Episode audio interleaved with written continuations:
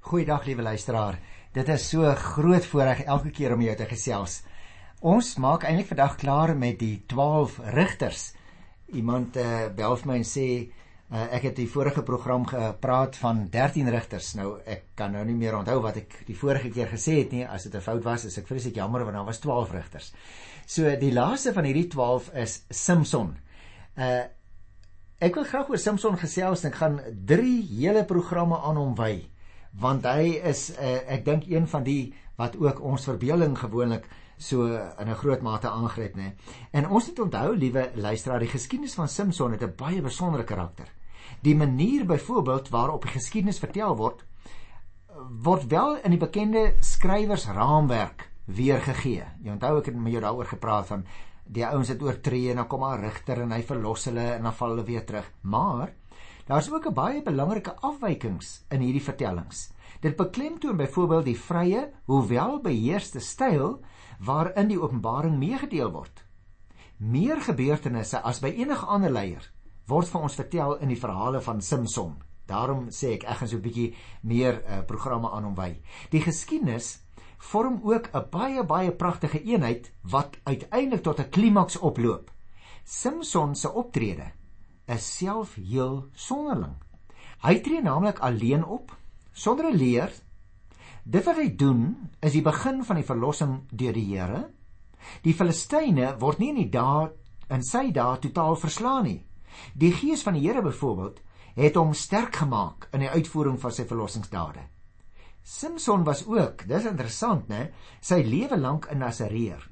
En dit terwyl sy optrede in baie opsigte na menslike oordeel onder 'n sedelike vraagteken gestel sou kon word. Dit lyk soms of die klem op sy verhouding met onwaardige vroue geval het. Maar dan word ons weer verseker dat die Here se plan met die verlossing van sy volk deur Samson geloop het. Dat dit tog vervul is die gedagte in die plan wat die Here gehad het. Wat alles lyk dit vir my daarop dui dat een mens nie oor 'n ander mens moet oordeel nie. Dit herinner my aan die Here Jesus in Matteus 7, jy kan dit gerus gaan lees. Ons moet nie oor 'n ander oordeel nie, vers 1 en 2 daar in Matteus 7. Nog minder, liewe luisteraar, moet jy en ek oordeel oor God se werke. Die vertelling begin dan ook met die geboortegeskiedenis. Dis waaroor ek vandag gaan praat.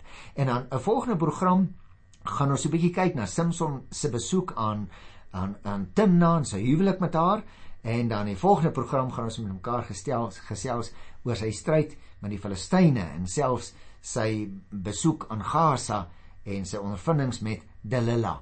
So, dis 'n baie interessante man hierdie Samson, maar ek wil dadelik sommer daarmee begin. Ek lees dus by Rigters, die 13de hoofstuk, die eerste vers. Die Israeliete het weer gedoen wat verkeerd was in die oë van die Here. En hy het hulle 40 jaar lank oorgegee in die mag van die Filistyne. Nou eintlik, liewe luisteraar, is dit 'n inleidende sin. Jy sien, die sonde van die Israeliete in die oordeel van die Here oor hulle word genoem.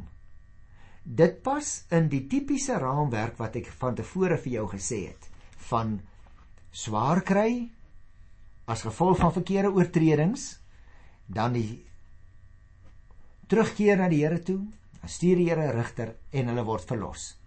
Maar die tweede vers gee ook vir ons baie interessante inligting. Daar was 'n man uit Sora uit die stam van Dan. Sy naam was Manoag. Sy vrou was kinderloos. En 'n engel van die Here het aan haar verskyne vir haar gesê: "Jy's nou kinderloos, maar jy sal swanger word en 'n seun in die wêreld bring." Nou die Sorek Vallei, liewe luisteraar, is is natuurlik in die stamgebied van Dan. En die man van wie hier vertel word Manoag was uit die geslag van Dan. En hulle het net uit die Sugam familie bestaan. Dis interessant, jy kan gerus aan kyk in Numeri 26 by vers 42. Die naam van sy vrou word glad nie hier genoem nie. Al wat gesê is, sy was kinderloos en volgens die destydse opvatting dus onvrugbaarheid. En jy moet onthou, liewe luisteraar, onvrugbaarheid in daardie tyd is gesien as die teendeel van geseënd wees deur die Here. So 'n vrou baie kere baie smaad verduur. Maar nou lees ons die engel van die Here En hier tree hy op as die boodskapper om 'n goeie boodskap aan te kondig dat sy 'n seun in die wêreld gaan bring. Vers 4 en 5 sê: Jy moet jouself goed oppas en nie wyn en bier drink en ook nie iets onreins eet nie. Trouwens, jy's reeds swanger en jy sal 'n seun in die wêreld bring. Sy hare mag nie geskeur word nie, want die kind sal van sy geboorte af aan God gewy wees. Hy sal die Israeliete begin red uit die mag van die Filistyne. Jy moet oplet, liewe luisteraar, hy sal hulle begin red. Met ander woorde, hy het hulle skynbaar nie finaal gered nie. Ehm um, want ons kry later in die geskiedenis tot in die tyd van koning Dawid lees ons nog steeds van die Filistyne. So daarom staan hier in die Bybel, hy sal hulle begin red van die Filistyne. Maar goed, kom ons gaan terug na die vrou toe. Soos 'n uh, uh, ek wil amper sê 'n verwagtende pa ook aan sy vrou sê as hy verwag nê, word hier ook gesê jy moet jouself goed oppas. Nou was dit natuurlik nou nie maar net net 'n vriendelike vermaaning nie, maar dit was omdat die seun wat gebore sou word van sy geboorte af aan God gewy sou wees staan daar, wat natuurlik nou beteken het dat hy 'n Nasareër sou wees. Nou jy sal nog onthou toe ons die boek Numeri behandel het. Nou tussen hakies, liewe luisteraar, as jy die bandjies bestel het of die CD's, dan sal jy nou 'n bietjie gaan kan gaan terugluister daar by Numeri 6 van vers 2 af waar ek so bietjie gepraat het oor die Nasareër gelofte. Dan sal jy daar weer hoor die wette wat die Here gegee het met betrekking tot die Nasareërs bepaal natuurlik dat dit 'n vrywillige onderneming sal wees en dat die persoon veral daaraan gekenmerk sal word dat hy geen sterk drank of iets van die wynstok sal gebruik eens nie. Geen dooie sal aanraak nie, dat hy sy hare sal laat groei. Nou is dit interessant, liewe luisteraar, jy moet oplet. By die seun wat gebore sou word, het ander sake as die wat in Numeri 6 genoem word bygekom. Sy ma moes byvoorbeeld alreeds met die wyding begin deurdat sy ook reeds geen wyn of bier mag drink nie. Bier dis nagies verwys hier na enige drank wat van vrugte gemaak is of van heuning of selfs van graan gebrou is. Iets onreins, soos dit hier genoem word, mag na druiwe of rosientjies verwys omdat dit gis en daarom is dit as onrein beskou. Jy moet oplet, liewe luisteraar, die Here begin met hierdie eh, kind wat gebore gaan word Simson op 'n baie besondere manier alreeds met sy ma, anders as in die geval van die ander rigters. Vers 6 sê byvoorbeeld: Die vrou het toe vir haar man gaan sê: "Daar het 'n man van God by my gekom en hy het gelyk soos 'n engel van God, 'n man met gesag. Ek het hom nie gevra waarvan hy kom nie en hy het my nie gesê wat sy naam is nie." Maar hy het vir my gesê, "Kyk, jy swanger sal 'n seun in die wêreld bring." En dan vertel sy wat die engel vir haar gesê het. Met ander woorde, haar man Manoag was reg van die begin af presies ingelig oor hoe besonder hierdie kind gaan wees wat die Here vir hulle gaan gee. Vers 8 en 9 sê toe het Manoag tot die Here gebid: "Here, laat die man van God vir wie u gestuur het, asseblief weer na ons toe kom." dat hy ons kan leer wat ons moet doen met die kind wat gebore sal word. God het Manoag se gebed verhoor en die engel van God het weer na die vrou toe gekom. Sy het die veld gesit. Haar man Manoag was nie by haar nie. Ek merk op en dit staan vir my uit in hierdie verhaal dat die Bybel uit sy pad gaan as dit ware om vir ons te laat verstaan. Hierdie twee ouers het werklik in groot toewyding aan die Here gelewe. En nou verhoor die Here ook die gebed van ouma Noag en hy stuur weer 'n engel terwyl hierdie vrou alleen in die veld daar sit. Daar kan dus by ons geen twyfel wees nie. Hierdie was twee vroeë mense wat nie net die Here gedien het nie, maar wat ook gevra het dat hulle die stem van die Here op 'n baie besondere manier sou hoor. Vers 10 sê toe hardloop sy gou en sy sê vir haar man: "Die man wat nou die nag na my toe gekom het, het weer aan my verskyn." Met ander woorde, daar by die offerplek want ons gaan in vers 20 daarmee kennis maak nê daar het die man weer aan haar verskyn. Manoag sê vers 11 is toe dadelik agter sy vrou aan. Hy het by die man gekom en vir hom gevra is u die man wat met my vrou gepraat het? En die man het geantwoord ja ek is. Dit lyk vir my so half liewe luisteraar asof Manoag eers bevestiging wil hê dat dit dieselfde man is as die een wat met sy vrou gepraat het en en en hy kom so 'n bietjie, hoe sal ek sê, hy kom selfs vir my so 'n bietjie wantrouig voor, né? Maar Noag het vir hom gevra vers 12: "Wanneer u belofte waar word, hoe moet die kind hom dan gedra? Wat moet hy doen?" Dit blyk dis Manoag O, oh, hy wil graag glo wat hierdie engel sê. Maar Noag aanvaar dus, lyk dit vir my, dat die belofte aan sy vrou vervul sal word. Nou dat hy so bietjie sy sy vertwyfeling verklank het, nou raak hy oortuig. Hy wil dan ook presies weet hoe die kind hom moet gedra. En luister vers 13 en 14. Die engel van die Here toe van Manoa geantwoord: "Jou vrou moet alles doen wat ek vir haar gesê het. Sy mag nie opbrengs van 'n wingerdstok eet nie. Sy mag nie wyn drink nie, sy mag nie bier drink nie, sy mag ook nie iets onreins eet nie. Sy moet alles doen wat ek vir haar gesê het." Nou dit is my wonderlik. Ek kry eintlik so 'n glimlag om die mond as ek hierdie as ek hierdie foto so bekyk, liewe luisteraar, want dit is op 'n tipiese semitiese wyse waar die boodskap nou hier vol uit herhaal word. Woord vir woord word weer herhaal. Dis 'n mite van destyds en ook vandag as jy daar kom, o, oh, hulle vertel vir jou 'n storie, maar hulle vertel dit so, hulle herhaal sekere woorde, die uitdrukkings, woordjie vir woordjie en sinnetjie vir sinnetjie, nes die vorige keer toe hulle dit vir jou vertel het. Daar staan sy mag nie die opbrengs van die wingerdstok eet nie. En dis eintlik maar net 'n nadere verduideliking wat mense al reeds in Numeri 6 vers 3 geleer het. So daar word gesê, hoorie, Julle twee mense, julle moet hierdie kleintjie grootmaak presies soos ek vir jou vrou gesê het, ook wat die manier van eet en die dinge wat hy gaan eet betref. Vers 15. Toe sê Manoag van die engel van die Here: "Wag tog 'n rukkie. Dan maak ons vir u 'n bokkie gaar." Ag, dit is tipiese oosterse gasvryheid hè. amper soos die Vrystaaters dink ek. Die tipiese oosterling wil Manoag sy gasvryheid betoon. En in die voorbereiding van die bokkie betrek hy ook sy vrou wanneer hy van ons praat. Hy sê ek mag ons asseblief iets iets voorberei. Die bokkie kan natuurlik as 'n gewone maaltyd geëet word, maar dit kan ook geëet word destyds as 'n deel van 'n offer wat aangebied word. Jy kan gerus weer Numeri 15 vers 3 of 4 wat ons uh, al behandel het, weer so 'n bietjie genaslaan. Nou in vers 16, die engel van die Here sê toe vir Manoag: Al laat jy my 'n rukkie wag, sal ek nie jou kos eet nie. Maar as jy 'n brandoffer wil bring, moet jy dit vir die Here bring. Maar Noag het nie besef dat die engel van die Here is nie. Jy sien, die engel is gewillig om 'n rukkie te wag, maar hy gee al reeds te kenne dat hy nie van die kos sal eet nie. Nou, liewe luisteraar, dit hoef nie noodwendig die afstand tussen God en mens te be beklemtoon hier nie. Want jy moet onthou, Abraham se dae toe hy geleef het, het hy ook anders gehandel. Gaan kyk maar in Genesis 18 by die 8ste vers. Maar Noag word nou egter hier aangeraai om eerder 'n brandoffer vir die Here te bring. En daarom sê hy toe vir die engele in vers 17: "Wat is u naam? Wanneer u belofte waar word, wil ons aan u eer betoon." Het jy opgemerk? Terwyl Manoag nog nie self besef het dat hy met die engel van die Here praat nie, wil hy die man se naam weet. Dis amper soos in die geskiedenis van ou Jakob. Onthou jy nog? Gaan kyk ook gerus daar uh, in Genesis 32 by vers 29. Jy sal onthou ek het daar al vir jou verduidelik luisteraar, 'n naam was in die ou tye van baie groot betekenis.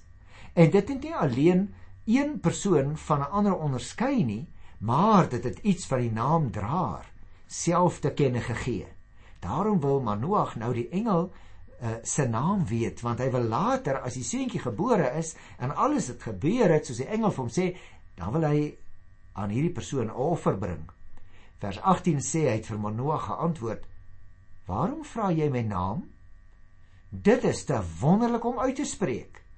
Jy sien luisteraar, die dit is te wonderlik om uit te spreek kan ons ook so 'n bietjie meer letterlik vertaal want daar staan eintlik in Hebreëus en hy is wonderlik. Die naam van die engel kan dus nie ten volle deur die mens begryp word nie. Omdat ons nie die Here kan begryp dat ons nie die Here kan omvat nie as ek dit met respek kan sê. So hy's besig om vir Manoag te sê, hoorie, dit help nie ek sê my naam vir jou nie. Die naam is te wonderlik. Mense verstaan dit nie. Die Hebreëse woord vir wonderlik herinner ook aan die naam wonderbare. Dis dieselfde woord wat ons kry in Jesaja 9 by vers 5. En uh, so word daar moontlike verband gelê tussen die engel van die Here en die seun van Jesaja wat genoem word in Jesaja 9 vers 5. Maar nou ja, kom ek laat dit daar. Ek wil dit nou nie te tegnies maak nie. Die punt is My naam is eintlik vir jou te wonderlik. Dit help ek sê my naam vir jou nie, Manoag. Jy gaan dit regtig nie verstaan nie. Jy sal dit nie eers kan uitspreek nie. Vers 19. Toe vat Manoag die bokkie. Hy sit dit saam met die graanoffer op 'n klip as 'n offer vir die Here. Het jy opgelet luisteraar vir die Here? Terwyl Manoag en sy vrou staan en kyk, het die Here 'n wonderwerk laat gebeur. Hy berei dus die die bokkie voor saam met 'n graanoffer. Ons het dit ook behandel. En jy kan agter in die Afrikaanse Bybel kyk, daar word die offers uh die verskillende offers bespreek, maar ek het die graanoffer ook bespreek, maar jy kan gerus gaan kyk in offer onder die woordjie offer as jy wil. Die klip is waarskynlik 'n klipaltaar. En dan kom ons by vers 20 tot 22. Die vlam het van die altaar af opgegaan hemel toe en die engel van die Here het in die altaar vlam opgestyg maar Noag en sy vrou het dit gesien en hulle het plat geval op die grond die engel van die Here het nie weer aan Manoag of aan sy vrou verskyn nie maar Manoag het besef dat dit die engel van die Here was toe sê Manoag vir sy vrou ons gaan beslis sterf want ons het God gesien Liewe luisteraar, die engel van die Here het in 'n altaar vlam opgestyg. Jy sal nog onthou by Gideon het die Here anders gehandel. Gaan kyk maar in Rigter 6 by vers 21. Maar wat vir my van belangrik is in hierdie vertelling is hoe dat ou Manoag en sy vrou plat geval het in aanbidding. En nou besef Manoag dat dit die engel van die Here was en hy's dadelik bang dat hulle sal sterwe. En jy onthou liewe luisteraar, Eksodus 33 vers 20 het gesê 'n mens kan nie die die Here sien en bly lewe nie. En dis hierdie selfe angs wat in Manoag se hart opkom. Maar sê vers 23 sy sê vir haar man as die Here ons wou doodmaak sou hy nie die brandoffer en die graanoffer van ons aangeneem het nie. Hy sou ons ook nie hierdie wonderlike dinge laat sien het en ons vandag hierdie goeie nuus meegedeel het nie. Wonderlik dat vrouens tog baie keer so realisties kan wees as ons mans. Ons word sommer baie keer ook onnodig bang lyk dit vir my. Maar Noag se vrou bly kalm. Uh die Here wil nie vir hulle doodmaak nie, sê sy. Want hy het hulle offer aangeneem. Hy het hulle wonderlike ding laat sien. Dit was die bedoeling van die Here, sê Manoag se vrou vir hom. Die Here handel nooit teenstrydig nie. Anders kon hy ons mos nou al klaar doodgemaak het. En dan die laaste twee verse hier in eh, Rigters by die 13de hoofstuk. Die vrou het 'n seun in die wêreld gebring. Sy het hom Samson genoem. Die kind het groot geword en die Here het hom geseën. Jy sien sy het hom Samson genoem staan hier en die naam, liewe luisteraar, is op verskillende maniere verklaar en deur sommige geleerdes met die oosterse mitologie verbind. Maar volgens die Ugaritiese literatuur as 'n dokument wat so uit die 14de eeu voor Christus kom, was dit eintlik 'n taamlik algemene naam want daar kry ons ook die naam Samson. Die beste moontlike verklaring waarskynlik is dat dit verband hou met die woordjie son. Die rede vir die naam word nie vir ons gegee nie. En daarom is dit verkeerd om geheime betekenis daar agter te soek. Ek dink ons moet die naam net so afvaar en nie iets verborge in die naam in te lees nie. En luister nou na vers 25. Die gees van die Here het hom in Magane dan tussen Sora en Estaol begin lei. Die belangrike ding is nie die plek nie, maar dat die gees van die Here hierdie Samson begin lei het. Dit was 'n kragtige en 'n duidelike leiding en die mededeling hier wek die verwagting dat iets besonders gaan gebeur. Ek wil net sê uh, Magani Dan wat letterlik beteken kamp van Dan en Estaol was daar in die omgewing van Sora. Nou ek het vir jou gesê by die aanvang van die program liewe luisteraar, ek gaan nog programme aan nou Simpson wy. En ek gaan vandag net hoofstuk 13 doen want ek wil ook hê jy moet self die Bybel gaan lees en so iets van die opgewondenheid wat in die 13de hoofstuk wakker geroep word in ons harte self gaan raak lees want sy optrede word nog nie beskryf nie. Nou ek wil graag vir jou so 'n bietjie breër agtergrond ook nog gee. Want jy sien 'n liewe luisteraar met die Samson sage waar die siklus van die 12 leiers wat Israel opgetree het eintlik voltooi. Vanaf Otniel, die eerste ideale leier wat ons daar nou is 'n 3 by die 7de vers begin ontmoet het, het daar by die volk sowel as by hulle leiers al meer afvalligheid teenoor die Here ingetree. En die leiers het veral korter tydperke opgetree. En die afvalligheid van die volk het al groter begin word. Jy sien die teenpool. Die Here het hulle vir al langer tye in die hande van die vyande oorgegee. By Samson dan bereik hierdie tendens sy hoogtepunt. En daarom die Samson sage word eintlik al reeds in Hosea 10 by die 7de vers ingelei met die mededeling dat die Here die Israeliete oorgegee het in die mag van die Filistyne en die Ammoniete. Daarom hierdie eerste hoofstuk Rigters 13 het gehandel net oor sy geboorte. Die Here gee hierdie keer Israel vir 'n baie langer tyd as van tevore in die hand van sy vyande oor. Die vyand kom nie hierdie hierdie keer uit die ooste nie, soos in die geval van Jefta nie, maar hierdie keer kom die vyand uit die weste. Jy sal nog onthou die Filistyne wat daar in vyf stadsstate woon op die uh, kus van Palestina. Gaza, Gat, Askelon, Astot en Ekron. Dit is nou die toneel waarheen hierdie Samson sage ons uh, aandag gaan verskuif. En hierdie keer het Israel glad nie soos van tevore die Here om hulp geroep nie. Dis interessant. Ek sou ook nog sê uit die 13de hoofstuk staan vir my uit die geboorte van Samson was 'n wonder wat die Here uit eie besluit laat plaasvind het. Deur Samson sou die Here sy mag oor die afgode en sy genade oor Israel opnuut bevestig. Die Here laat die wonder gebeur om 'n kinderlose vrou 'n seentjie te laat kry. En wanneer die Here se engel aan die vrou en haar man verskyn om die geboorte aan te kondig, laat hy 'n wonderwerk gebeur met die offer wat hulle vir God gebring het, né? Dit slaan van self aan die brand. Jy sal ook nog onthou toe ons die verhaal gelees het dat op Manoag se vraag oor die naam van die engel het die Here gesê dat dit te wonderlik is om uit te spreek daar in vers 18. En wanneer God aan die ouers van Samson verskyn, net soos hy deur sy engel Gideon ook verskyn het in Rigter 6 en ook later in die geskiedenis aan Maria, gaan lees maar Lukas 1. So verskyn hy hier en hy kondig aan dat die seun wat gebore sal word in 'n baie unieke verhouding met hom wat die Here is, sal staan. En baie interessant, liewe luisteraars, van Samson se geboorte af tot by sy dood sal hy aan God gewy wees. Leer ons hier in die 13de hoofstuk. Sal hy in diens van die Here staan. Die Here sal deur hom begin om sy volk van die Filistyne te verlos. Nou sy lewe, waaroor ek dan van volgende keer af praat, sal eintlik in twee fases verloop. Ek noem dit nou net, ek gaan nie nou daarop in nie. Vandat hy na Timna toe gegaan het totdat hy 1000 Filistyne doodgeslaan het by Roepersfontein. En dan die volgende gedeelte vandat hy na Gaza gegaan het totdat hy die tempel van Dagon oor homself en oor duisende Filistyne in een laat stort het. Jy sien liewe luisteraar, deur hierdie woeste man, mag ek hom so noem, deur hierdie woeste man sou God sy volk lei en ten spyte van hulle ongehoorsaamheid en afkeerigheid van die Here vir hulle toon dat hy God en Here is oor al die gode en oor al die nasies. Ja, jy gaan nog ontdek Samson het 'n simbool geword van die groot wonder dat die heilige God van die hemel en die aarde die Here wil wees van klein en nietige mensies met al hulle hebbelikhede en ook met al hulle onhebbelikhede.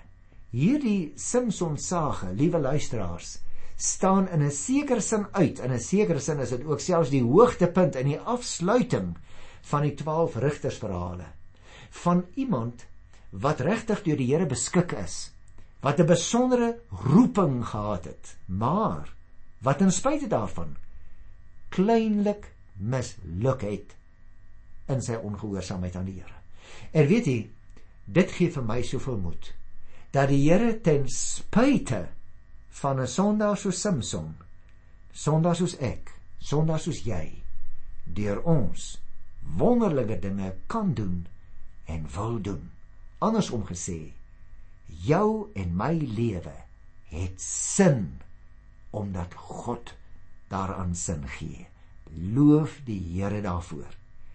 Tot volgende keer. Totsiens.